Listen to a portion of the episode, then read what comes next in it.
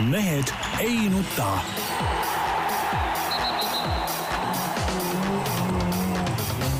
mehed ei nuta. selle eest, et mehed ei nutaks, kannab hoolt Unibet, mängijatelt mängijatele. tere teisipäeva, Mehed ei nuta eetris, Tarmo Paju Delfist, tervist! Peep Pahv Delfist ja Eesti Päevalehest, tervist! Jaan Martinson Delfist, Eesti Päevalehest ja igalt poolt mujalt. ja tegelikult praegu, kui see saade eetrisse tuleb, olen mina juba lennukil ja hõljun vaikselt ja vaikselt PyeongChangi suunas. nii et see saade on siis salvestatud eelmisel päeval. väga halb. saatsime Jaani sanatooriumisse põhimõtteliselt. ütleme nii, et ega seal seal ju midagi midagi erilist ei toimu. töist ei ole. noh. saab lihtsalt sporti vaadata niimoodi lähedalt.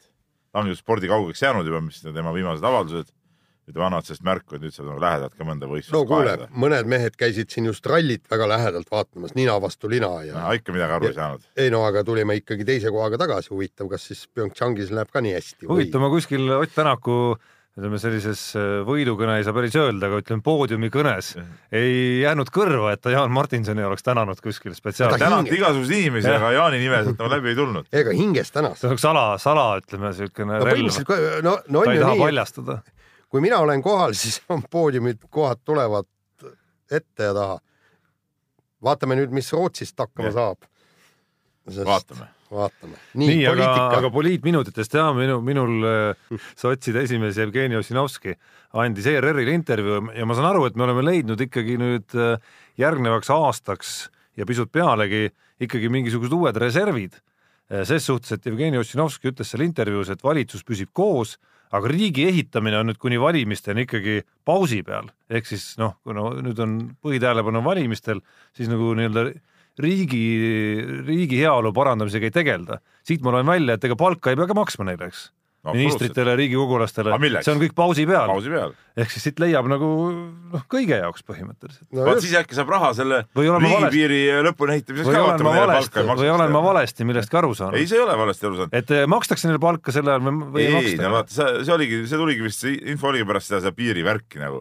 et. aa, nüüd viiakse lihtsalt see nädal raha esi, suunatakse sinna. üks nädal oli see, teine nädal see ja siis nüüd viiakse kokku, Kokku see nädal see- need kaks uudist. ministri palk, ministrite palgad. no üks riigikogulast.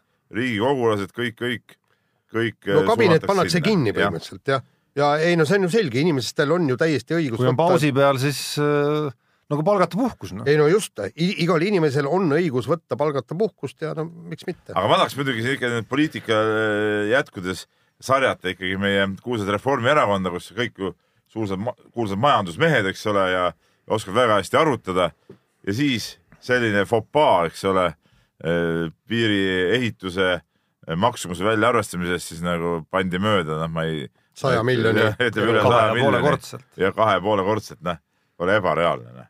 Peep, kas sa tõesti siiamaani pole aru saanud? vaata, ebareaalne on see, et kui sina hakkad maja ehitama ja, ja siis paned pooleteistkordselt mööda, ehk siis sinul enam pappi ei ole selle maja ehitamiseks, siis on jama kaelas.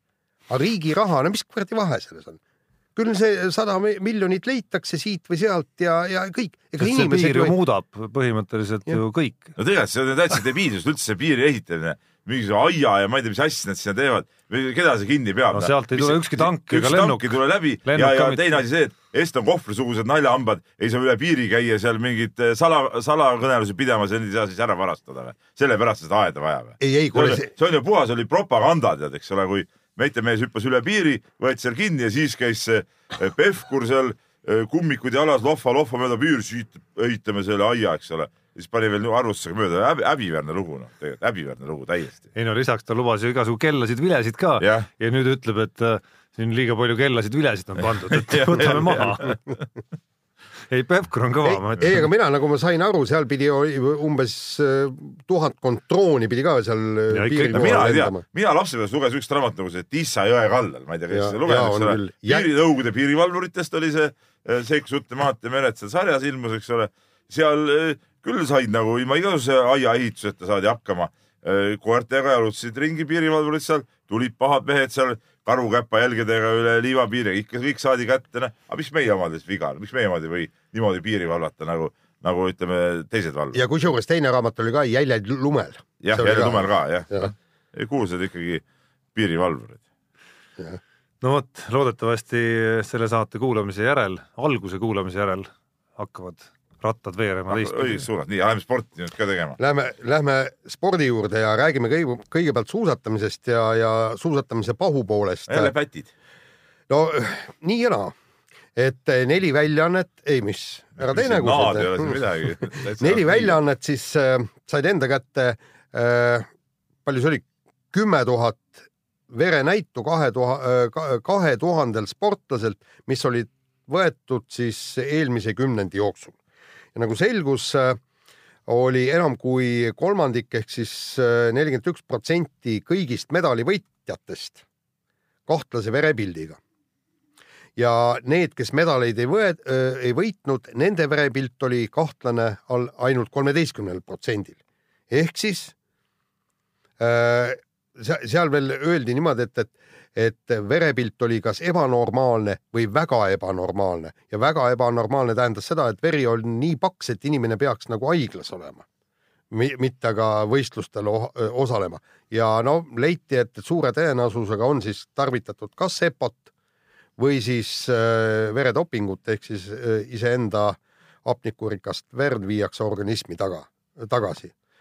ja noh, ütleme niimoodi, et, et meil on see asi nagu kuidagi küünelt edasi kulgenud, rootslased on praegu öö, parajas mäsus, sellepärast et selgub, et üks väga kahtlase verepildiga suusataja on neil ka PyeongChangis. Ja nüüd nad kõik paaniliselt ajavad taga, et kes see üks kodanik on. aga noh, teisalt väga segaseks jääb, mida selle sõnapaari kahtlane verenäit äh, all nagu mõeldakse ikkagi, et me, kas me, kui me võtame enda suusatajad kasvõi need, kes meil eelmisel kümnendil au ja kuulsust tõid, siis see, et Jaak Mael oli verepilt kahtlane, noh, ei ole ju üldse mingi uudis isegi. oli juhtumeid, kus ta ei saanud starti selle pärast isegi. Äh, kusjuures seal on äh, ka, kas kaks või kolm, vot nüüd ei tea, kui kas- paljudelt kas- eestlastelt äh, on proove võetud, kaksteist protsenti eestlastest on nagu äh, nii-öelda kahtlased. no see on vist see on- üheksast kaks näiteks. Ei, ei, no üheksast üks, üheksast üks saab olla näiteks. ja või, või, või, või siis ma pakun välja mingi pealt kahekümne, võib-olla kas kaks või kolm meie sportlast, aga, aga vaata, seal oligi niimoodi, et nad, nad on jälginud ka seda dünaamikat, mis nad nüüd rääkisid, ütlesid niimoodi, et, et sportlastel oli, oli see verenäidud kõikusid ja nii kui eh, suurvõistlus tuli, hopa, kõik hemoglobiin tipus, hematokrit tipus, kõik, kõik liikusid sinna nii-öelda ülespoole. kaks kuud enne seda oli asi nagu märgatavalt rahulikum. aga, aga mis Jaak Mäesse puutub, siis temal on jah, temal on kogu aeg seal väga piiri lähedal olnud sünnist saadik. aga noh, selles kahtlases verepildis on ju minu arust, kui me räägime eestlastest, ei ole, ei ole see sugugi esimene kord, kui meie nii-öelda tippatleete on kahtlustatud mingisuguses kahtlases verepildis. nojah, aga see verepilt ongi ikkagi selge näitaja, no ja nii, nii nagu Jaan ka ütles ja, ja meie sportlased on ju jäänud ka võistluselt eemale, eks ole, mitte Jaak Ma üksi, vaid ka neid teisi on ju va- verenäituse pärast ju stardist eemale jäänud, kes seal Tour de Ski'l olid seal. kaks tuhat kümme olid jah 2010, jah. Algo Kärp ja Kein Einaste Einaste, ja jah. siis Kaspar Kakk on ka jäänud, aga meil üks kolleeg märkis väga huvitavalt, et neid probleeme ei ole öö, tekkinud pärast kahe tuhande üheteistkümnendat aastat. no nii ongi ju, ega siis ju lõppes see pull ära, eks ole, kui oli suur vahelejäämine. siis pärast seda ju noh, kes ei julge peab riskida, loogiline. nii on. aga, aga jah, noh, ütleme no niimoodi lõin sisse Google'isse praegu lihtsalt, mis ma lõingi täpselt, Andrus Veerpalu verenäidud, kaks tuhat üksteist Norra professor, kes äh, äh, ütleme, süüdistas äh, Andrus Veerpalu, kelle verenäidud olid kõrged juba lahtis kaks tuhat üks näiteks, et noh, et uudist on nagu vähe selles, selles uurimustöös, et loomulikult ei saanud Veerpalu ainus olla. no me oleme ei, ju näinud, uudist vähe minu arust, see on nagu selge, selge näit sellest, et tegelikult on see asi mäda ja, ja, ja ja aga see ei vii on, nagu mitte kuskile, selles mõttes, et sa minu arust tuleks need nimed nagu nende, päevavalgele nende tuua näitude pealt tegelikult., nende näitude pealt sa ei saa tuleks ju need nimed päevavalgele tuua, kelle, mitte nii-öelda öelda, et nii mitu protsenti on äh, näitudega, vaid kes, konkreetselt kes, miks, miks ta ei või siis välja tuua? ja, ja, ja selles mõttes on nüüd halb, eks, et nüüd on kahtluse all kõik rootslased, kes äh, tol ajal suuska sõitsid, kui need ve- verenäite võeti. et kui sa ütled nimed välja, siis, siis teiste ümbert kaob see kahtlus ära ja te, teine asi, aga, aga seal tuleks ka väga täpselt selgeks teha, mida tähendab see kahtlane verenäit. ei saa öelda, et näed, et tal on hemoglobiini tase niivõrd kõrge, et järelikult on pätt ja kaabakas. et, et sealt äh, tuleb jälgida kogu seda dünaamikat ja, ja, ja kõike et vähemalt praegusel kujul on seda infot nagu väga vähe, et midagi, midagi nagu arvata veel nagu rohkem sellest ikkagi on see, mida mina olen üritanud öelda praegu ja aga need rootslased väga-väga huvitav, nad lisasid selle lõigu, meenutasid need kaks, kaks tuhat kuus äh, olümpial vahele jäänud austerlased, kuidas nemad selgitasid, et kuidas nad seda neid piirnormides on, et hommikul mõõdavad kõik täpselt hemoglobiini näidud ja kui selgub, et nad on natukene üle, siis kohe organismi soolalahust lüüakse siis veri vedelamaks, on ju, nii kui on dopingukontrollid ära käinud, kohe uus veri asemele ja niimoodi päevast päeva väidetavalt äh, tegeleti ja, ja eks see ole jällegi, me, me tuleme siin nüüd äh, dopingu juurde kohe-kohe tagasi, eks, aga see ongi jällegi üks näide, et see dopingu, antidopingusüsteem ei tööta mitte mingilgi moel. just ja minu meelest on see kõik. ei no ta töötaks, kui kõik tegeleks korrektselt selle asjaga, kui praegu FIS kogu aeg teadis seda, eks ole, nagu ma aru saan, aga see nagu ei tehtud välja, seda tuleb printsipiaalselt võtta kohe jama, hakkame kohe, lükkame kõrvale ja hakkame seda meest uurima. Noh. ei, aga nad väidetavalt uurivadki, aga nad ei leia mitte mingit tõestust selle kohta, et ta on dopingut tarvitanud ja kui nüüd öeldakse meile, et meil on selle aasta jooksul või mingi, mingi seal, et, et on äh, praeguse taliolümpia eel võetud neliteist tuhat dopinguproovi, no mis pagana vahes on, võtke või seitsekümmend tuhat, mitte midagi ei muutu. Lance Armstrongilt viissada dopinguproovi, mitte ühtegi ei olnud positiivset täpselt sama on kõik need venelased, kes eh, kohe meil tuleme selle teema juurde, kes praegu olümpialt eemale jäävad. Nad ei ole ju positiivset proovi andnud. no see ongi ebaõiglaselt eemal. noh, ühest küljest sa ütled, et tuleb verenäitude peale risti lüüa, teisest küljest ütled, et kui vahele pole jäänud, ei saa midagi teha. ei no aga verenäidud ongi ju tegelikult ikkagi, ikkagi üldjuhul märk ikkagi sellest, kui see verepassis ka need asjad kõiguvad, siis see on ebanormaalne nähtus selle pealt. see on iga, see on igatahes suurem fakt kui see, kui mingi, mingi stukats kuskil seal seletab midagi. ja aga, aga kõikumine, nagu nad ütlevad, on nii-öelda normi jällegi tähendab täiesti normi piirides, et nad ei lähe üle selle piiri, ei lasta. teine asi see, et, et kui, eh, kui üle normi piiri ei lähe, siis ei ole mõtet ka seda üldse seda kella lüüa, nagu praegu lüüakse. teine variant. no, no. vot, aga äh, läheme sujuvalt sellele samale teemale üle, mida ja millele Jaan vihjas, ehk siis äh, aastaid nüüd juba võib öelda kestnud saaga Venemaa sportlaste ümber sai siis päris olulise järjekordse arengu, kui rahvusvaheline äh, olümpiakomitee noh, ütleme, sai siis päris hea hoobi rahvusvaheliselt spordikohtult enne olümpiat. aga ma olen kogu aeg Sports, rääkinud. sports Venemaa atleete peavad saama võistelda. ma olen kogu aeg rääkinud, Tarmo, et äh, Rokk on astunud ämbrisse oma sellise tegutsemisega, et mingi juttude põhjal äh, ilma ühegi faktita võtta ära, hakata ära võtma medaleid, ma ei tea, keelama olümpial osalemist. no nüüd said ja nüüd on tal ikka veel õigus täis ja ütled, nende see kohtuotsus ei loe, nemad neid olümpial ei lase. aga mis mõte seal kohtudes üldse on? et, et tegelikult peaks olema ikka nii, et seda kassi otsust peaks ikka austama kõik. et kui nii no. on, siis nii on ja eh, pole midagi, tead aga nii palju nad austavad, eks, et nad ei saa määrata eluaegset võistluskeeldu. ja, ja teine asi on see, et, et nad ei saa ära võtta medaleid, medalid jäävad Vene sportlastele ja, ja tegelikult äh, nüüd on, nüüd on, seal on mit, mitu asja kogu selles äh, jamas. üks, üks asi on see, et, et keegi ei ole näinud seda spordikohtu lahendit, et, et põhjalikku protsessi selgitust, miks Äh, miks osasid äh, sportlasi nii-öelda vabastati sellest süüst.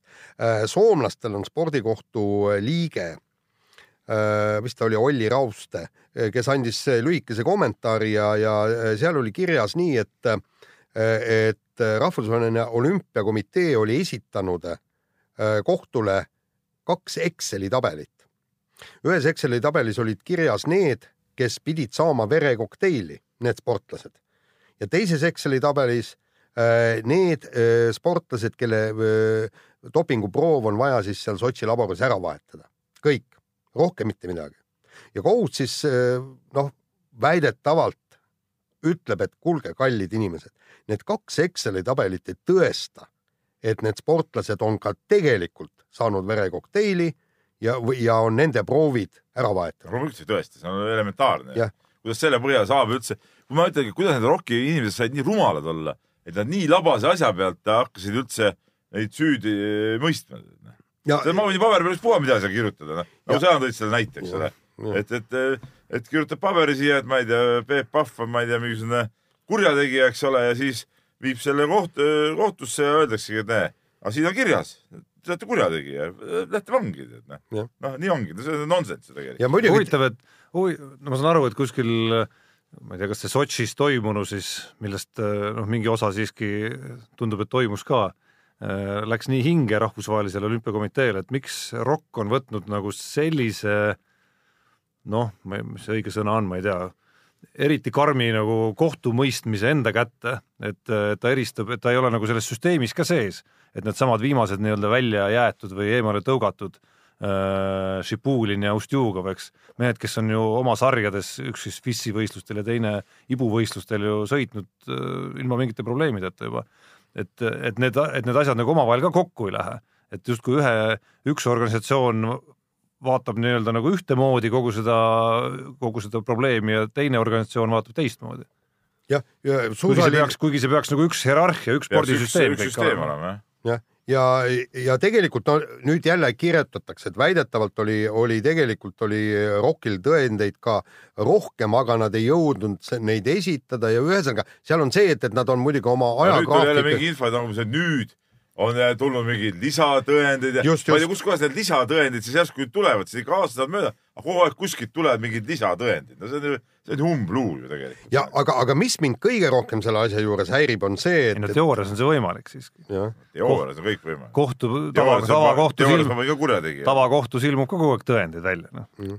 Krishami romaane sa oled lugenud? just, aga, aga mi- mind teeb, mind häirib kõige rohkem see, et, et ROK-i president äh, Toomas Bach äh, andis teada, et äh, nüüd tuleb seda spordikohust hakata reformima. ühesõnaga, kui kohus ei, ei võta vastu sulle meelepärast otsust, siis järelikult tuleb see kohus laiali lüüa ja moodustada uus kohus, mis, mis teeb täpselt nii, nagu meie tahame. no kuulge, no see on et- kõige absurdsem asi ennast üldse. tuleks äkki reformida natuke.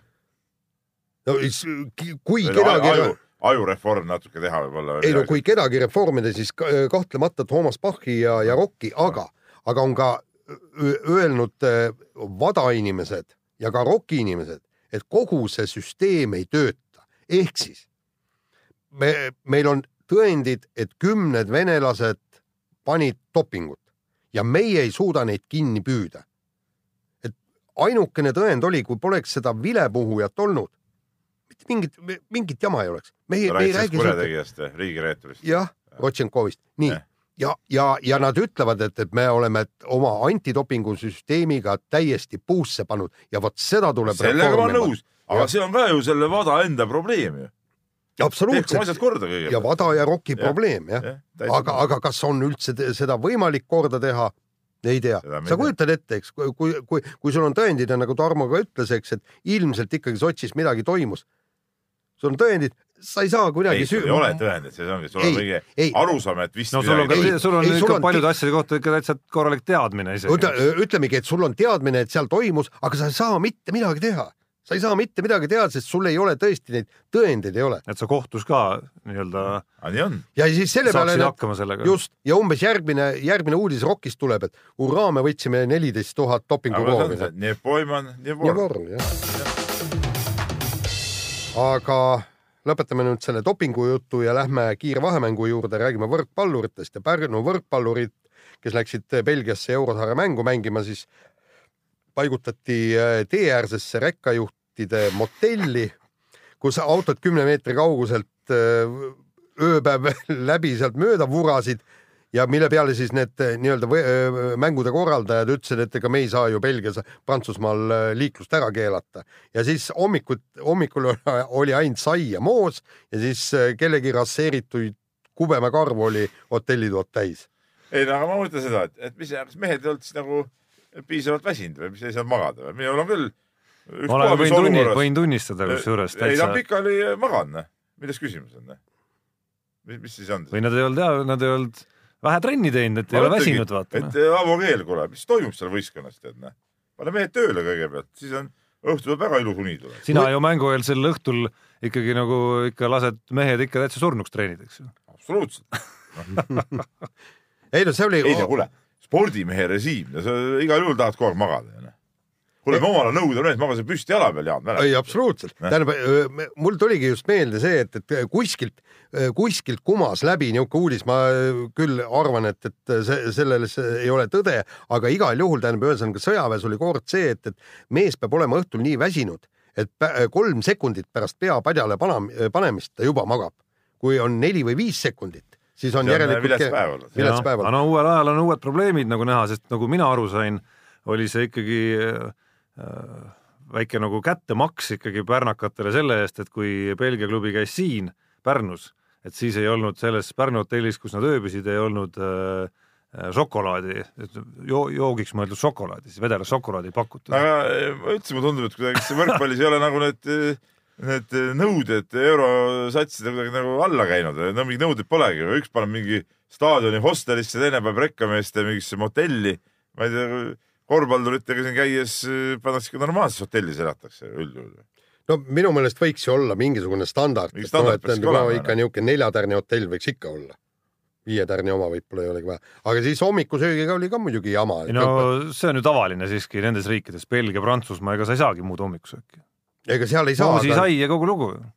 ja ei, aga, aga selge see, See on ju aga ette teada. no jaa, aga kuule, kui, kui võrkpalliklubi orgunnib sulle nii-öelda vastuvõttu, siis sa pead ju teadma, et, et võrkpallur, tippsportlane ei lepi hommiku ainult saia ja moosiga. meil on niisugune traditsioon jah no., nii on. meie kultuur on selline, hommikusöögikultuur. kui tahad lisa, siis lähed, käid supermarketis no. ja võtad juustu ka saia peale. või Mäkist läbi. nii, aga vahetame teemat äh, ja peame ütlema, et äh, mehed ei nuta, tegime taas ära, ehk siis Malcolm Wilson saabki presidendilt äh, aumärgi, Maarja Maristi viies klass. no väga hea, ma küll ei oska nagu hinnata, ma seda Eesti ordenite süsteemi väga hästi ei tunne, et kui, kui kõva see on, viies klass tundub nagu siuke nagu, nagu, nagu pronksmedal umbes, aga no, aga ikkagi, ei no hea, hea, et meeles peeti. ja, ja, ja, ja minu meelest äh, tulebki Malcolm Wilsonile ja kindlasti on meil veel inimesi, kellele tuleks äh, nagu Eesti riigi poolt tänu avaldada ja, ja kuidas sa teist, teistmoodi avaldad, no Wilsonil võttis ju pisara silma, kui, kui eestlased viisid neile äh, väikse meene, jah, enda tehtud meene ja, ja ma arvan, et, et, et, et ta on ülimalt uhke, et Eesti riik teda nõnda tunnustab. ei absoluutselt, ei see on õige asi. midagi on see meie kummaline president ka hästi teinud. jah. ja, ja, ja siinkohal nagu, nagu me äh, saame aru, eks, et nüüd siis tuleb natukene pead tööle panna järgmise, järgmise nii-öelda vabariigi sünnipäeva puhul, et, et vaadata, et kellele siis järgmine, nagu, nagu me aru saame, meie ju käisime siit välja, tegelikult oli see lugeja kiri ju absoluutselt. minema ja, ja näed, meie kaudu läks see asi ilusasti käiku. ei no presidendi kohta ei saa Peep nüüd nagu spordi kontekstis väga paha sõna öelda siiski. ei, ma vaatasin üldisemas plaanis vaatasin seda asja. et noh, tema need asjad ei ole nagu mulle päris nagu mokka mööda, ütleme nii, noh, nii. paraku. sihuke ka sihuke progressiivne euronoor tundub olevat, kuigi ta võib-olla nii noor ei olegi, aga noh, nii tuleb välja. nii, aga lähme edasi ja Saalioki köitis siin meeli nädala lõpus ja oli Saalioki siis MM valikturniir Tallinnas ja ja kohtuti siin ka valitsev maailmameister Soomega ja ütles Saalioki koondise peatreener Risto Rall siis enne mängu, et eh, lähme Soome vastu üritama, et kui istuda ainult kaitses, ei õpeta see midagi. noh, paraku no, kaitses nad ei istunud, aga, aga kaitses no ka ei olnud esimese kolmandiku vist 1-15. isegi istusid natuke, null kaks oli seis, aga nojaa, aga ütleme, kui vastane mängima hakkas, siis, siis ei tulnud kaitsest midagi välja. ütleme, et see saali on muidugi huvitav mäng, et Eesti on nagu, nagu kogu aeg siuke mulje nagu Eesti on päris kõva selles, noh. no Eesti ongi maailma vist üheksas,. aga kui üheksanda ja esimese vahe on üks viisteist, noh, siis see on ikka näitab seda ala nagu kummalisust ka, no ütleme jäähokis ei ole ju, ju ma ei tea, kes see maailma üheksas võib olla, see on mingi a la Slovakkia või, või, või mingi siuke Saksamaa või. no nad, nad ei kaota ju, ju Kanadale üks viisteist või Venemaale. vahel alagrupi mängus võidavad isegi. jah, täpselt noh, et see nagu näitab muidugi ära, et noh, esiteks see kandepind on kitsas ja see tasemete vahe on, on, on ikkagi päris suur, see on nagu jääpallis põhimõtteliselt noh, ühed samad riigid on seal päris tipus, siis on mingi järgmine grupp, siis veel järgmine grupp ja nii edasi. Ja ütleme, jääpallis on va- vaata veel, et laiemgi see öö, kogu see noh, nii-öelda esikolmik, siin on ju ainult Rootsi ja Soome sisuliselt, aga, aga mis ma tahan öelda, esiteks muidugi saalihoki mängijad on tragid, et jõudsid MM-finaalturniirile. paluks korvpalluritel ka nüüd äh, samasugust korda saata ja võrkpalluritel ja ja ma just, just lõpetasime jutu ja sa ise ütlesid ka, et, et see kandepind, kandepind on nii kitsas, et no ütleme, kui ma ei tea, saalihokis oleks kakskümmend neli riiki saaks eh, EM-ile, siis saaks see EM-i täis isegi, noh, sealt jääks kohti puudu nagu. aga huvitav, et meie, meie saalihokimehed ikkagi noh, see on tüüpiline, et ikka enda vigadest tuleb õppida, mitte õppida teiste vigadest, et seda, mis juhtub, kui Eesti koondis ükskõik mis alal läheb siis nii-öelda ründama endast ilmselgelt tugevama vastu noh, seda oleks võinud ju meenutada, ma ei tea, Eesti jalgpallikoondise mängu Belgiaga Jah. näiteks, kus Ma- Martin küll. Reim sai oma korralikud triibulised kätte ja, ja pärast seda ei ole enam sellist asja nagu kordunud ikkagi. just. et noh, loodame siis ka, et, et finaalturniiriks vähemalt on siis kulus see ära praegu, et antud juhul see mäng ju nagu nii-öelda ei maksnud mitte midagi meile, et tuleb eelkõige ikka kiita mehi ja rõõmustada selle üle, kuidas No see otsemäng Poolaga kuidas suht noh, see nadist seisust ja ootamatust seisust ikkagi tuldi auga välja, see null kolm oli paras šokk kindlasti pärast esimest kolmandikku selles mängus. ja kusjuures ma null kolme pealt jäingi vaatama, et mõtlesin, et noh, mis värk. aga muidugi kogu selle saalihoki teema lõpetuseks muidugi nagu kummaline mulje jäi ka. tolle laupäeva õhtul vaatasime spordisaadet kodus ja, ja siis Võidula või mis ta nimi oli, kes viskas selle võiduvärava, eks ole. siis hakkas, Ants hakkas spordile intervjuud sulaselges inglise keeles, siis mul poiss ka vaata, kulmud kerkisid nagu kukla taha peaaegu, et et mis toimub nüüd siis noh. et noh, see on ka naljavärk ju Eesti koondis mängib mehed, kes eesti keelt ei oskagi no,. jah, no eesti keele võiks no ikkagi ära ja, et kui sa tahad siin esindada, siis no ma ei saa, ma ei saa nagu tõsiselt võtta seda, seda Eesti koondist ka sedasi ja, ja olla nagu päriselt nende poolt, noh. see on mingi, okei okay,, ma saan aru, et see on mingi kuskilt eh, paar põlvkonda tagasi keegi on seal päris eestlane olnud ja Eestit läinud kuhugi, aga noh, come on, noh. kui sa siin oled, siis, koondises oled, siis ole ikkagi nagu päris eestlane. nii, aga lähme järgmise teema juurde ja äh, korvpallipedet siin ütlevad äh, meie korvpallimeestele, et tehke järgi. Kadri-Ann Lass äh, lööb naiste üliõpilasliigas äh, laineid sellega, et, et blokeerib oluliselt palju viskeid.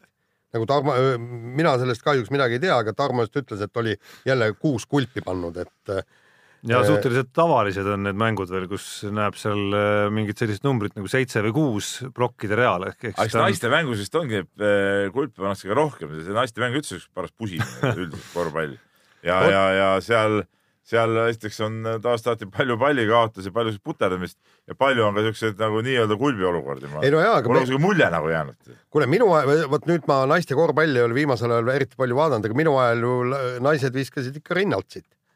no nad päris rinnalt ikka ikka ei viska, aga ikka see mäng on selline, et, et seal siukest samas emotsiooni ja võitlust on seal tihtipeale kümme korda rohkem kui meeste mängus, et selles suhtes tasub naiste korvpalli ka vaadata, ega see midagi hullu ei ole, aga ütleme, siukseid imelikke olukordi tekib seal muidugi kordades rohkem kui meeste mängus. ma nüüd kiiruga läksin otsima, aga no muidugi ei leia nii kiiresti, et kas see, mida sa siin väitsid, kas see paika ka nüüd peab ikkagi ka mingitest ja ma muudest. ütlesin, mulle tundub No sellepärast- see ei olnud väga väide. ei, see naiste naiste koduste tulemuste leidmine, nagu näha, ei ole kõige lihtsam ülesanne maailmas. et äkki läheks hoopis järgmiste teemadega edasi, ja see sulle meeldiks muidugi, aga okei okay,, ma taustaks otsin selle välja ja siiski. Just ja Kadri-Ann Lassile ütleme muidugi au ja kiitust. Ta on oma esimesest äh, üliõpilashooajast alates ikkagi äh, löönud väga kor täitsa korralikul tasemel ikkagi korralikult jalaga seal ukse lahti. jah, emageenid on kõvad. absoluutselt, nii, aga kiire vahemängu lõpetuseks äh, juubeldab Peep, sest ta on saanud oma noortelt kolleegidelt sõnumi, kes käisid Simple Sessionit vaatamas ja tõdesid, et umbes selline õhkkond, selline see olümpiamängude tulevik saab olema noh, palju õnne neile, ei ma usun, et ei Jaani ega mind siis olümpiale enam ei näe, väga lihtne. ja mina sellist sporti ei tunnista spordiks ja ei kavatse sellist spordiajakirjandust teha ja ma just mõtlesin sinu peale, kusjuures eile õhtul, kui ma vaatasin Aktuaalse Kaamera spordisaadet jah, ja seal äh, andis intervjuu ka üks Eesti, vist oli BMX-i rattur, ma võin nüüd eksida, võib-olla ru- rulamees hoopis, aga äh, ja jutt käis siis äh, nendest sportlikest eesmärkidest ja siis ta ütles selle kohta noh, mitte just väga ambitsioonikalt, ütles, et ei, et väga mingeid eesmärke konkreetselt ei olegi, et põhiline, et käime seal Spot of Tallinn või mis selle koha nimi on, et, et peaasi, et seal sõpradega käime, harjutame uusi, uusi neid trikke ja peaasi, et fun oleks. ja ma just mõtlesin, Peep, sinu peale sel hetkel, et, et kui sa kuulad, siis, siis sa kindlasti nii-öelda noh, mõnuled seda kuuldes. No õnneks ma seda ei näinud, seda lõiku ja, ja ma arvan, millestki ilma ka ei jäänud, et noh, see näitabki nende vendade nagu sellist sportlikku äh, taset või, või, või see eesmärgi püstitus, no see ei ole päris sport, noh, see on tore meelelahutus, andke minna, mehed, noh.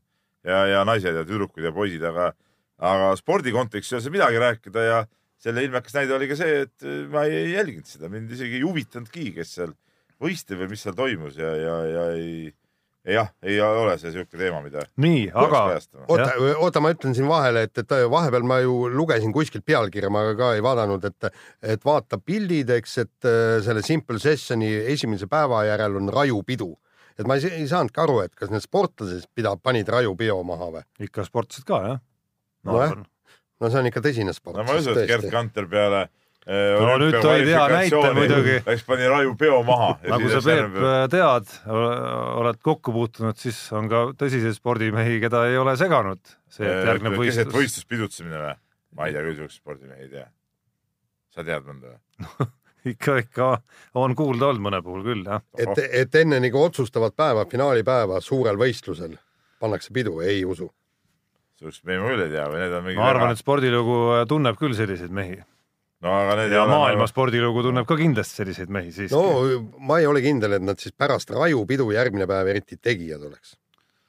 noh, George Bestkir on, räägib ju legend oma mölludest. no see on ju ekstreemne näide ja see on nagu erand, mis kinnitab reegleid. omal ajal oli ka, mul just see seal ralli ajal meenutati, et kuidas need vanad ralliässad, et ega nemad ju eriti trenni ka ei teinud ja et umbes, et kustutasid suitsukoni kuskil maas ära ja starti.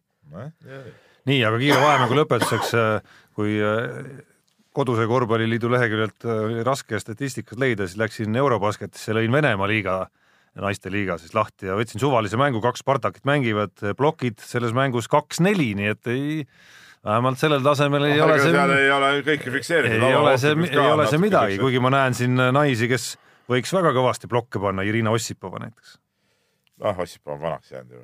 ehk siis äh, seda kõvem on Kadri-Jan Lass. ei, ei, ma ei teinudki üldse maha seda, ma ütlesin, et naiste korvpallis ikka siukest puterdamist ja pudistamist on kindlasti rohkem.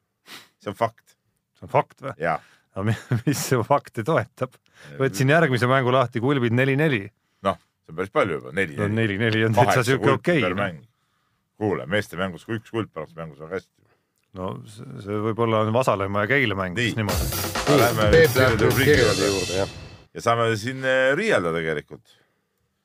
asja eest isegi. asja eest jah. tegelikult. Siim Ojamaa meile kirjutab ja ütleb, et äh, mida mehed, eks ole, et, et äh, meie pikaaegne kuulaja, nüüd edastab meile noomituse, et äh, terve saate jooksul ei maininud kordagi me seda, millise emotsiooni pakkus taas Roger Federer Austraalia lahtistel meistrivõistlustel.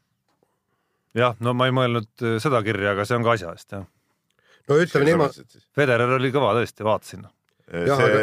minu arust see oli, see oli tõesti piinlik, kuidas meil välja jäi, ma ütlesin, ma ei, saateajal ei pannud seda no, tähele. rääkisime naistest, kellest on nagu noh, põnevam rääkida. nii, aga küsib Lauri meie käest, et äh, praegu käib suur trall Rocki ja venelaste äh, dopingu ümber, et huvitav, mis seis oleks siis, kui praegused mängud oleksid Sotšis või sama jama oleks neli aastat tagasi, et kas siis Rokk oleks sama enesekindel oma otsustes ja moraalis? no kindlasti ei, ei oleks, oleks.. kindlasti ei oleks. kindlasti ei oleks, mäletame, millise Venemaa sõbrana Toomas Bach tuli Sotši ja, ja oli seal, nautis kogu seda äh, värki seal Putini ütleme käe kõrval, et, et nii, nii parajasti on. no aga poliitikud ongi niisugused ju, täna nii ja homme naa, kus tuuled puhuvad ja mis sa arvad, et, et äh, kui nelja aasta pärast on Pekingis olümpiamängud, et siis Pah hakkab ka haukuma äh, hiinlaste kallal või? muidugi ei hakka. no muidugi ei hakka, see on selge. nii, aga eh, ma nüüd mul tuli meelde küll, millest Tarmo rääkis, et mis ta arvas sarjat, sa mõtlesid seda sõidu ajal mobiili näppimise. jaa, absoluutselt. noh, nii on, see on elu lihtsalt, ega midagi teha ei ole. no ei, see ütleme see ei ole mingi asi, mida peaks väga A propageerima ja Ei, B mida kiitma ka veel ja ütlema, et oh, see, on jumala normaalne, et kasutage aga telefoni sõidu ajal. kindlasti see Ei. ei ole okei okay tegelikult. ei no see ei ole okei okay,, aga seda paraku tehakse, nii ongi, see ongi elu lihtsalt. nii, aga Martin äh, kirjutab siin ja jutt käib äh, korvpallist meil ja, ja jutt käib sellisest mehest nagu Madis Soodlast, nii-öelda esindusklubi noormängijast, keda siis äh, Kalev äh, kuidagimoodi kasutada ei taha. Et siin sai siin Valga vastu platsile üks kakskümmend kaheksa enne lõppu, vahel juba kolmkümmend punkti. TLÜ Kalevi vastu kaks minutit enne lõppu, vahe oli nelikümmend punkti. Pärnu vastu siis üldse terve mängupilgil ja nii edasi, et äh, ja siin küsitaksegi, et millest me oleme palju rääkinud sellest teemast muidugi, aga, aga mis siis on see Cramo visioon ja pikem eesmärk Eesti korvpallis, et, et noh, arvab Martin, et peaks ikkagi neid mehi nagu mängitama. No ma arvan, probleem ju selles ongi, et seda pikemat visiooni väga ei ole. no teine asi on muidugi see, et üks, noh, see on üks probleem tõesti. no see ongi see alusprobleem, et kui sul teine probleem on ka see, et ega sa vägisi nüüd ka jälle kedagi sinna platsile panna ei saa. et kui see mees nagu ikkagi eh, selle mehe tase ei kanna välja, siis on see küsimus, miks see mees seal võistkonnas ja üldse aga on. vot sellest asi algabki, et äh, miks su võistkonnas noh, ütleme, sul peaks seal olema mehi rohkem, see on selge, noori mehi just nimelt seal otsa peal. et miks me ikkagi püsivalt peame kaasa elama sellele, kuidas, kuidas, ma ei tea, Kaspar Treierid või Kristjan Kullamäed äh, Saksamaal või Itaalias teevad oma tegusid. et miks ei ole Kalev teinud, noh, antud juhul esiklubina ennast väga atraktiivseks selliseks nagu vahepeatuse kohaks, kus, kus meeste hulgas hakata läbi lööma ja kus on hea trenni teha ja kus ongi hea trenni teha ja kus ongi hea areneda. aga noh, seda, seda, seda ei ole. Nii ja võtame viimase kirjana, meil tegelikult tuleb pärast see Eesti olümpiakoondisest eraldi juttu, aga me seda kirjast saame võtta, sest sellest me nagu ei räägi. Ja toob Siim Avi, meie väga vana kuulaja ja, ja kirjasõber välja eh, sellise detaili, et eh, et siin, kui siin on võrreldud, eks ole, siin Eesti neid koondisi ja ja, ja keda on siin vähem ja kus tase on viletsam, siis toob välja, et et eh, kõige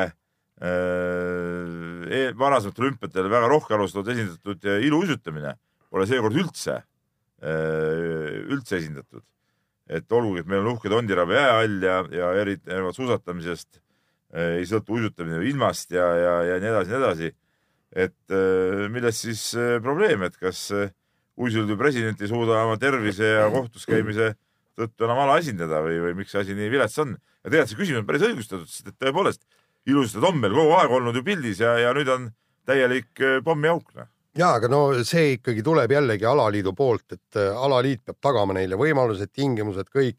Nad, ta peab võtma need üksikud staarid, kes meil on. noh, nii, ei, mitte, mitte staarid, ma mõtlesin üksikud andekad, kes meil on, eks. ja tagama neile kõikvõimalikud tingimused, parimad tingimused selleks, et äh, arenguks. siin on kaks võimalust. kas, kas meil ei ole mitte ühtegi andekat, kellele tasuks panustada või punkt teine siis äh, alaliitida piisavalt tööd, sest ma olen treeneritega ju kuuled, et, et jää on kallis, aega on vähe, väljamaal ei saa käia. omal ajal käisid ju Kleebod ja kõik ju istusid seal mööda väljamaad ringi, et noh, et, et Leebov oli USA-s päris pikalt. no oligi jah, ei olid ka teised seal, Romanenkovid ja asjad ja noh, lõpuks Romanenkov oligi ju parim Eesti sportlane Sotšis, just kahekümne neljanda kohaga ja siis loobus. ja siis siis loobus, kuna ei olnud ju tingimusi jah, just. ja ta niisama ei loobunud.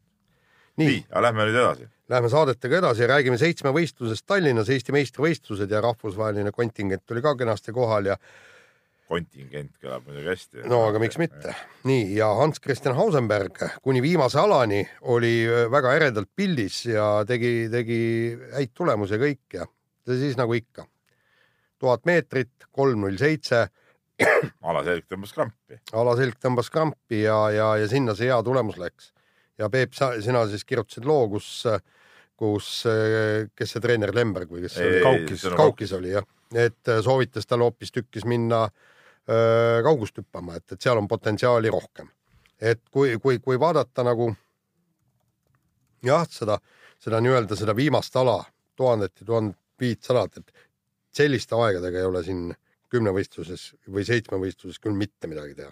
no eks see nii kipub olema, et noh, teadupärast on ju kümnevõistluse sees jooksnud tuhat viissada meetrit ka siin eh, kõvasti üle viie minuti aegadega ja ja nüüd üle kolme minuti tuhandet on ta ka päris eh, palju kordi jooksnud, et et see on nagu probleem ja, ja selge see, et, et ta näitas nagu ära, et eh, sihuke a la tõepoolest ta võib teha heal päeval see kuus tuhat punkti ära, ta võib teha kümnevõistluses kaheksa tuhat punkti ära, kas ta, kas temas on, ütleme sellise, selle jooksu pealt ikkagi potentsiaali nüüd päris suurde mängu sekkuda või äh, äkki ta tõesti võiks olla no me räägime siiski, meetri mees kaugushüppes hoopis. no me räägime siiski üheksateistkümne aastasest seda küll, hetkel, et aga äh,, aga väga kõvasti ette arenenud äh, kaks Lerantist, kes on noorest peale olnud tegelikult väga pildis ja ei saa öelda, et ta on niisugune vend, kes aeglaselt areneb, vastupidi, ta on ikkagi kogu aeg äh, oma reaal-, no ütleme sellest bioloogilisest arengust ees olnud. jaa, aga me ei saa minu arust äh, kuidagi väita ka, et see mingil kujul ei võiks või peaks jätkuma, see areng, et, et siin vahepeal isegi oli natukene mingi seisaku moodi asi,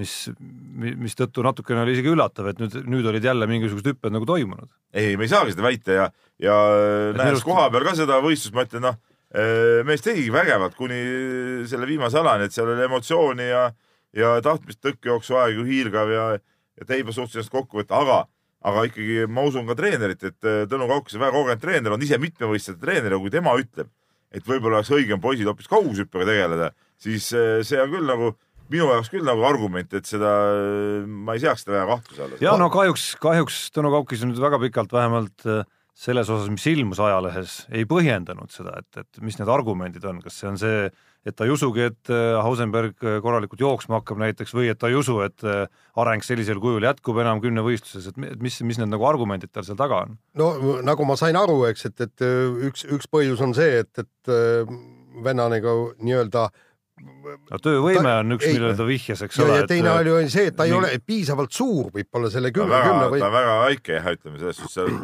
ikka teatud aladel, ta ise ütles ka, et tõkkejooksust tõkked on tal rinnani peaaegu, eks ole, et, et noh, et seal ongi väga raske ikkagi äh, läbi lüüa sellises, selliste parameetritega. aga vaata, siin tuleb nüüd ka vaadata, sellepärast et kui sa tahad hakata kaugushüppes äh, tiitlivõistlustel käima, siis põhimõtteliselt äh, MM-i normid on kaheksa, kümme, kaheksa, viisteist. ei, siis M on praegu seitse üheksakümmend viis, vaatasin, ka päris kõva no no,. jah, aga no see on e e ja ma räägin, eelmine see on päris kõva norm nii et, et ühesõnaga tähendab kaugust maksab hüpata ainult sel juhul, kui sa oled kaheksa meetri mees. kaheksa meetrit ei maksa. Sul on kaheksa, kaheksa kakskümmend. meetrit maksab küll, teadupärast saab tiitlivõistlused, MM-id on kolmkümmend kaks paremat ja kaheksa meetrit sa kolmekümne kahe hulgas oled igal juhul. no eesmärk võiks olla ikkagi rohkem. Ja me räägime nagu tiitlivõistlusest Jah. praegu. ja, aga see on ainult tiitlivõistlusel peale, selge see, et, et ta tahab neid medalitki võita. aga kümnevõistluses kaheksa-neli, praegu, praeguse taseme ju. kaheksa neli, kus sa seda kaheksa nelja praegu näed? ei, No ei mitte temal ei noh, mitte temal praegu, üheksateistkümneselt seda ei saagi oodata. et kaheksa tuhande neljasajaga saad juba me- medali kätte, aga palju sul kaugushüppes on, viis kolmkümmend, viis nelikümmend. noh. no ei tea, kaugushüppes ikkagi on kaheksa. ka siukseid võistlusi, kus on kaheksa. kaheksa, kaheksa kahekümne peal ka juba medalid jagatud rahulikult, isegi, isegi veel lahjema tulemusega. teisalt tundub see hetk, noh esiteks ta läheb Ameerikasse, eks, teisalt tundub see hetk, kus äh, ma ei ole kindel, et ta peaks nüüd kiirustama otseselt mingisuguse lõpliku valiku tegemisega, et et äh, midagi ei juhtu, kui ta aasta või kaks noh, tegeleb ikkagi kümnevõistlusega ja, ja siis asjade käigus on võimalik Ei, seda spetsialiseerumist teha alati aga ühel, ühel, kaugushüpe on ikkagi päris oluline osa ka kümnevõistlusest. aga ühel hetkel ta peab ise otsuse vastu võtma, kuulates kõiki kõrvalt sest nagu, nagu te mäletate, ega Erki Noolel oli ka neid otsinguid seal ju veel, veel mingitel hetkedel ja seesama kaugushüppega flirtis ju temagi päris no kõvasti. tema flirtis teivashüppega muidugi rohkem. no kaugusega ka ikkagi pärast seda, kui ta ütleme, rekordi ära hüppas vist oli see, see hetk vist ja siis, ja siis, siis, ja siis selgus ikkagi, et noh, ega see nüüd nii lihtne ei olegi, spetskaugushüppel on veel rohkem hüpata kuigi tuule toel kaheksa kakskümmend neli. nii, vahetame teemat ja läheme korvpalli juurde. eelmine nädal Eesti korvpallikoondisele, kes veebruari lõpus koguneb, häid uudiseid ei toonud. Eesti koondise üks liidreid Rain Veidemann teatas, et tema selleks koondise pausiks koondis, koondist esindama ei tule, kuna klubi graafik on sel ajal väga tihe, karikavõistlused ja liigamängud. samuti on küsimärgi all Siim-Sander Vene tulek, kuigi mees ise ütleb, et tahab tulla ja kindlasti on kriips peal Kalev Cramos seni täitsa korraliku hooaja teinud Janari Jõesaare kaasategemisel, tõsi, tema ei, ka esimeses koondise aknas ei mänginud. põhjuseks siis tema puhul vigastus. No. no mehi on äh, vähe ja tänu sellele Kristjan Kullamäe juba on koondises. koondise noh, kas ta kaheteist hulka saab, seda ma võin kahelda, aga, aga vähemalt seal äh, nii-öelda treeningutel mees on välja kutsutud, et asi seegi. No aga see näitab jällegi, et kuivõrd õhuke meie Eesti korvpall on ja ta tegelikult on kogu aeg olnud, et seda ei saa öelda, et me praegu äh, no ühest küljest näitab õhu nagu nii-öelda jah, et on õhuke, et kui mehed, põhimehed puudu on, siis, siis nii-öelda augud on sees kohe ja, ja väga palju valikut ei ole. noh, teisest küljest näitab ka seda, et meil ei ole praegu liidreid, kes noh, oleks nagu väga tipptasemel teeks kaasa, sellisel tasemel, kus äh, nad ei, no ütleme, nad ei lase klubil dikteerida. oota, kuule, mis sa räägid, kui mängiks tipptasemes, nad nagunii ei saaks tulla, siis mängiks Euroliigat. ei no okei okay,, siis oleks teine põhjus. siis oleks nagu teine siis põhjus. teine põhjus. aga see minu arust äh,, siin ei ole mõtet nagu mängijaid eriti nagu süüdistada, minu arust see näitab selgelt ära, et kogu see Fiba liin on olnud täielik totrus, noh, ikkagi, kuigi meil ei ole isegi sel, ütleme, Euroliiga tasemel mängijaid, on teistel mängijatel ka probleeme tulekuga, et on klubi, klubi huvid ikkagi keset hooaega on nii kõrged, et, et ei saa, et, et tahab klubi seda karikat, olgugi et see on Itaalia mingi esiliiga karikas, eks ole. Rai Veidemann ütles, et see on klubi jaoks jube oluline, on klubi juures. no see karikas Te... ei ole Veidemanni puhul üldse peaprobleem. peaprobleem on see, et enne seda karikat ja pärast viimast koondise mängu on miskipärast seal kalendris vahepeal ka üks liigamäng veel no. kui seda ei oleks, kui seda ei oleks. Poleks pärast, siis ta selle ühe mängu annatakse ära, aga sealt läheb, eks ole, tihedaks. ja nad loodavad seda edasi ka saada, mitte ühe mänguga seda karikat lõpetada. teine asi on ju Siim-Sander Vene, kus klubi ikkagi andis selgelt mõista, et et nad ei taha, et ta läheb sinna ja ongi kõik ja see, ja see on see Fiba totrus, noh, et tegelikult see no, on vale, noh. ütleme, selliseid asju tegelikult äh, on olnud alati. Äh, kõik, kõikidel aladel, no Martti Müürsepa survestati ikkagi päris sageli, et ta ei läheks koondise juurde, mis siis, et üks no, ühtegi, mis, ja, ja, mis siis, et ükski ja, mäng ja. otseselt ei ristunud sellega, aga noh, treener tahab, et tema meeskond oleks koos lisaks ei taheta riskida mingisuguse vigastusega, mis võib tulla veel, eriti kui see veebruari lõpus tuleb oleks sellest väga suur jama, kui üleminekuaknad on kinni Itaalias, tõsi on need vist lahti, aga, aga see selleks. aga noh, need on need põhjused, miks klubid alati parema meelega ei näe oma no mängijaid minemas. ma räägingi, et see FIBA uus süsteem ei ole nagu okeine. et see nagu. ei no aga see vana see, süsteem ei olnud nagu, okei okay.. no kokkuvõttes praegu see, selle järgi see muutub ikkagi nagu mingiks kolmandajärguliseks turniiriks, see koondiste värk. No nii on jah no,. nii on, paraku. noh, selle globaalselt suurim probleem on ikkagi see, millele sa korra viitasid, et Euroliiga mehi ju ei ole, rääkimata NBA meestest. aga noh, kui midagi head otsida, siis äh, vähemalt me räägime praegu Eesti puhul koondise aknast, kus on lootust, et võib-olla ei otsustata veel Eesti seisukohalt midagi ära. et meil on ju mängida nendes kahes aknas, nüüd Kreeka oli võõrsil, Iisrael kodus vist, eks et äh, kõik märgid viitavad vähemalt, et kõige otsustavam mäng selle kolmanda koha osas saab olema äh, juuni alguse aknas ehk siis mäng võõrsil Suurbritanniaga. kui Suurbritannia vahepeal kui Suurbritannia vahepeal just ei üllata, aga noh, Suurbritannial on mängida vist kodus Kreeka ja võõrsil Iisrael peaks olema kaks ülejäänud mängu Eestiga võrreldes, mis kindlasti lihtsad ei ole. ehk siis otsustav mäng tuleb õnneks juunis. ei, seda muidugi, jah, nii on. Aga lähme nüüd talispordi juurde ja rõõmustav sündmus nädalavahetusel meie kahevõistleja Kristjan Ilves kõigepealt neljas koht Hakuba MK-etapil ja siis teine koht sealsamas Hakubas. ja noh, okei okay,, ei olnud kõiki paremaid kohal, kaks. enamikku siis. enamikku jah, kohal. aga, aga noh, ma ei oska midagi muud öelda, et, et poiss hüppas muidugi väga hästi, eks. ja, ja et see nagu tema hüppepikkusi ei vähenda, see, et neid kohal ei olnud no ja. teise võistluse puhul on fakt, et ta võitis maailmakarikasarja liidrit, kes on viimasel ajal olnud väga hea.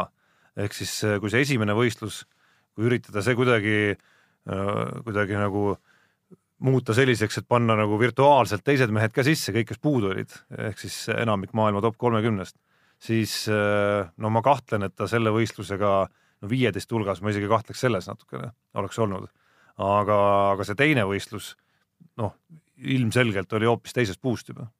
ja, ja, ja kus, kus ta lisaks äh, veel suurepärasemale hüppele, tõesti kõige paremale hüppele üldse, äh, sõitis ka ikkagi juba noh, pea minuti jagu paremini. jah, ja, ja, ja ta kaotas ju äh, võitjale suusarajal üks üheksateist ja, ja kui, kui, kui ta nüüd kaotakski nagu kiirematele no eks neid vend... kiiremaid mehi nagu Pittin ja siukseid ei olnud kohal, et tänu sellele see kaotus kiiremale oli ka viimase kilomeetri kukkumine ajas. ja vot see oli, see, see oli kahju. see oli nagu see, mis nagu näitab ka jälle, et et tegelikult see sõidutase ikkagi no,. jaa, aga taaskord ta kukkus, tal, et... tal olid, ma no. siiski nii palju ütlen kaitseks, et äh, sellesama viimase kilomeetriga ta ühe mehe lasi mööda, aga see üks mees spurtis tegelikult äh, kolmemehelisest grupist ära ehk siis võrreldes Vatabe ja siis oli üks Tšehh seal veel, et võrreldes nendega sellist kukkumist päris ei olnud ikkagi. ja aga just on kahju, et see Jan Schmid selle esikoha ära võitis, sest Eesti kahevõistlejad ei ole vaatamata Levandi arvukatele Mäletate seda- poodi, poodiumikohtadele pole kunagi võitnud MK-etappi. no see oli legendaarne, see ootus ikkagi, mis Levandi karjääri ajal käis kogu aeg ja ja ei tahtnud ega tahtnud seda võitu tulla kuidagimoodi, et küll, küll jäi hüpete kõrd sõidu taha. pigem ma ikkagi nagu jahutaksin natuke meeli, et, et selle võistluse põhjal ka ma ütlen, et selge see, et Ilvese variant kõrget kohta saada ainult siis, kui ta hüppevõistluse järel on vähemalt esikolmikus ja, ja see kõrge koht tähendab ikkagi kohta see esikümne piiri peal olümpial. jah, ja, ja, ja kui ta on esikolmikus ja, ja on pikalt ikkagi nendest nii-öelda kiiretest suusatajatest on minut, minut kaks ees. See- see ainult päästab, jah. No seal, seal isegi oleks siis, et ainult need kiired suusatajad on oht. et, et Ilvese jaoks kujutavad siiski ohtu ka kõik need korralikud hüppajad, et Jan Schmid tegelikult ei ole mingi imesuusamees. Vatabe samamoodi ei ole mingi imesuusamees. Nad on kõik äh, väga korralikud hüppajad loomulikult, aga, aga ka nendega võrreldes noh, Ilves siiski on aeglasem. No siin on see küsimus ka, et mida kaotas ka sellel teisel võistlusel, ta kaotas ju Vatabele mingisugune minut kopikatega E- üks üheksateist, jah. üks et üheksateist ähm, äh, küsimus on ka selles, et kuidas see hea tulemus mõjus, et üks asi on see, et ta võis anda enesekindlust, teine asi on see, et ta võis tekitada ka sellise tunde, et oh nüüd ma lähengi olümpiale hakkan panema. oi, ta on liiga mõistlik mees. ei no seda ja me ei tea kunagi. ei no seda nad tajuvad kindlasti hästi, et see ei olnud ikkagi tippkonkurentsis võitlus, et seal oli aga te ei tea kunagi, mis noore sportlase peas toimub, et Jaan sind teab hästi ja sina ütled, teab hästi. tegelikult äh, mees õhtu läheb magama ja, ja võib mõelda küll, et ohohoo, et tead, see mõte tuleb iseenesest pähe. noh, teisest Ma küljest ma arvan, see mõte, mis on igal juhul positiivne, on see teadmine, et ma olen vähemalt suusahüppemäel leidnud mingisuguse hoopis uue hingamise, hoopis kõvema kui, kui mitte ainult sellel hooajal, vaid ka eelmisest hooajast ma ma siin hooaja algul sirvisin, ma mäletan eelmise aasta tulemusi läbi ja, ja ka eelmisest hooajast päris sellist hüppevormi mulle ei meenu. jah, ja, ja kuna see on selline ka teisalt selline nagu psühholoogia ja tunnetuse värk seal hästi peen, kogu see hüppetunnetus, siis eh, noh, see ei saa kuidagimoodi paha teha, vastupidi. jah, aga nüüd tuleb olümpia hoopis teine pinge ja see oleks siis nii nagu vanasti, kolm hüpet, kaks paremat lähevad arvesse.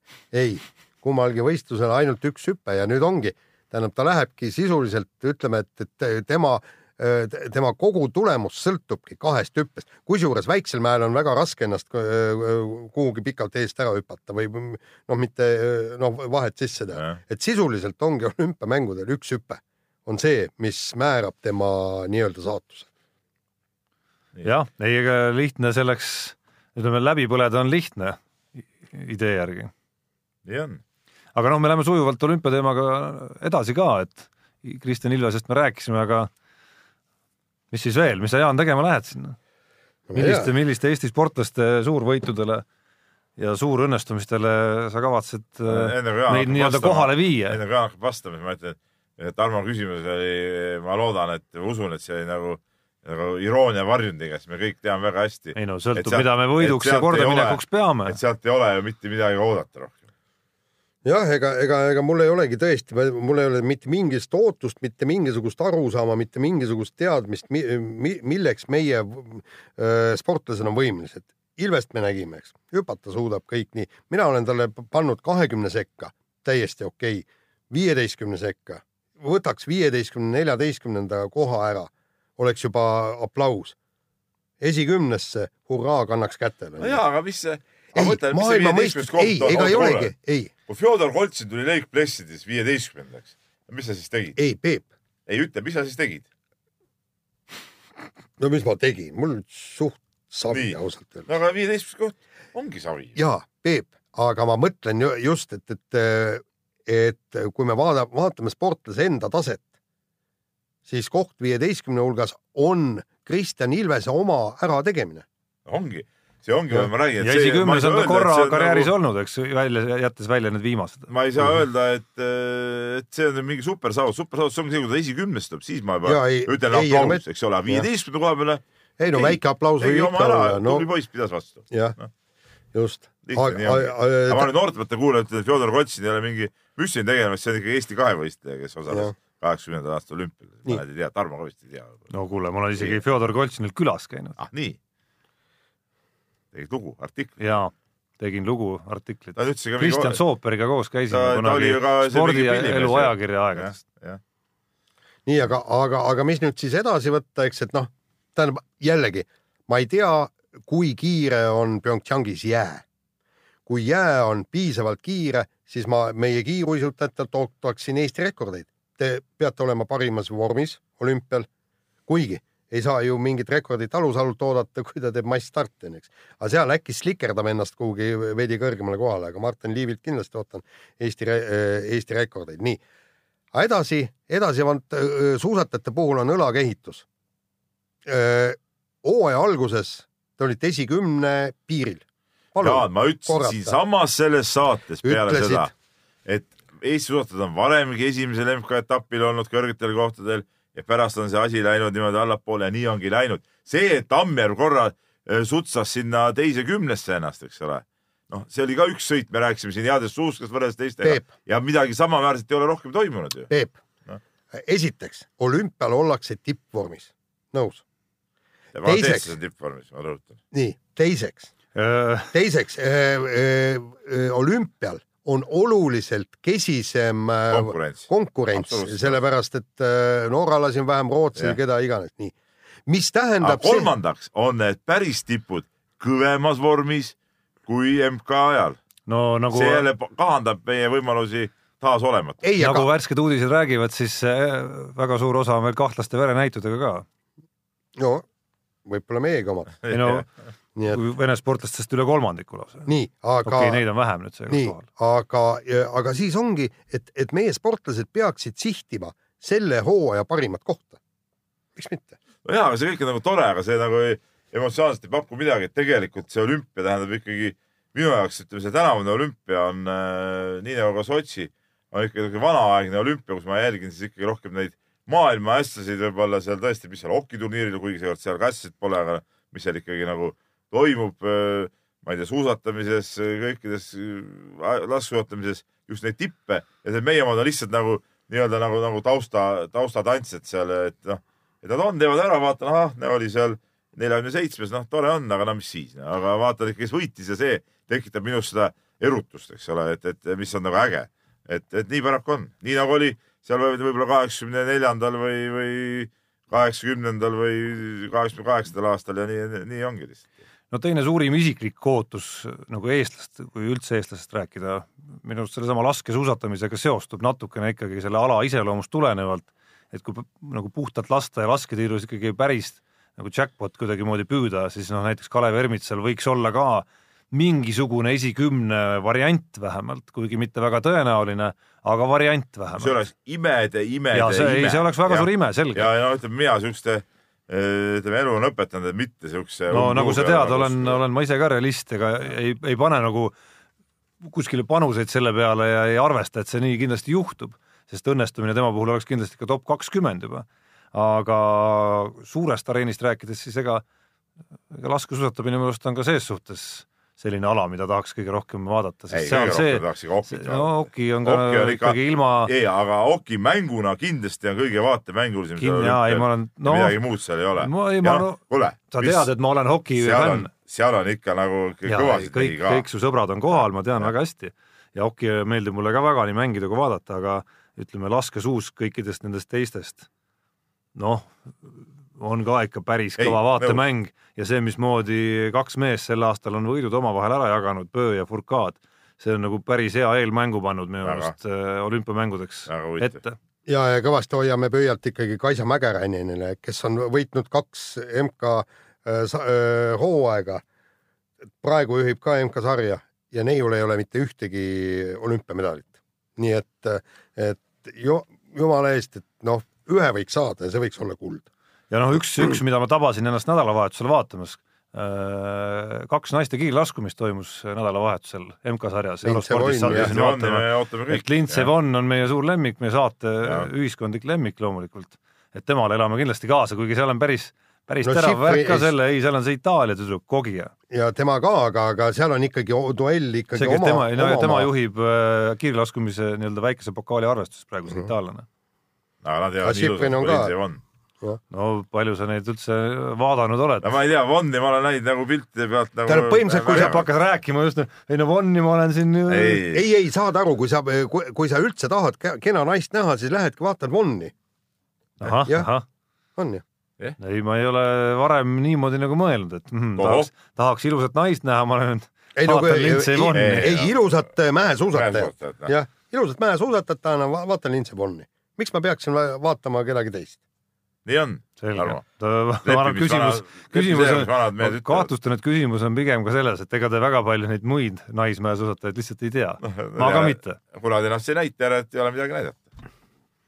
nii, Nonii, paneme nüüd saate vaikselt kotti, mina pühin Jaani saadame ära jah. homme, homme vaikselt minema. Jaan on juba siis äh, ütleme telefonitsi meie saatekülaline.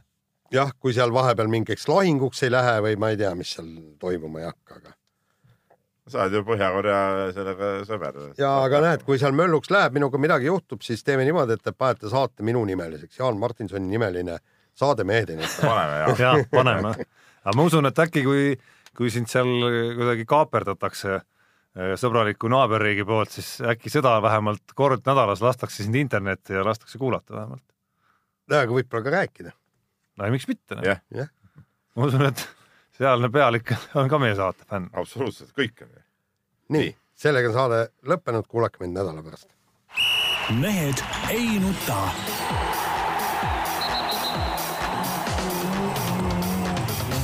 mehed ei nuta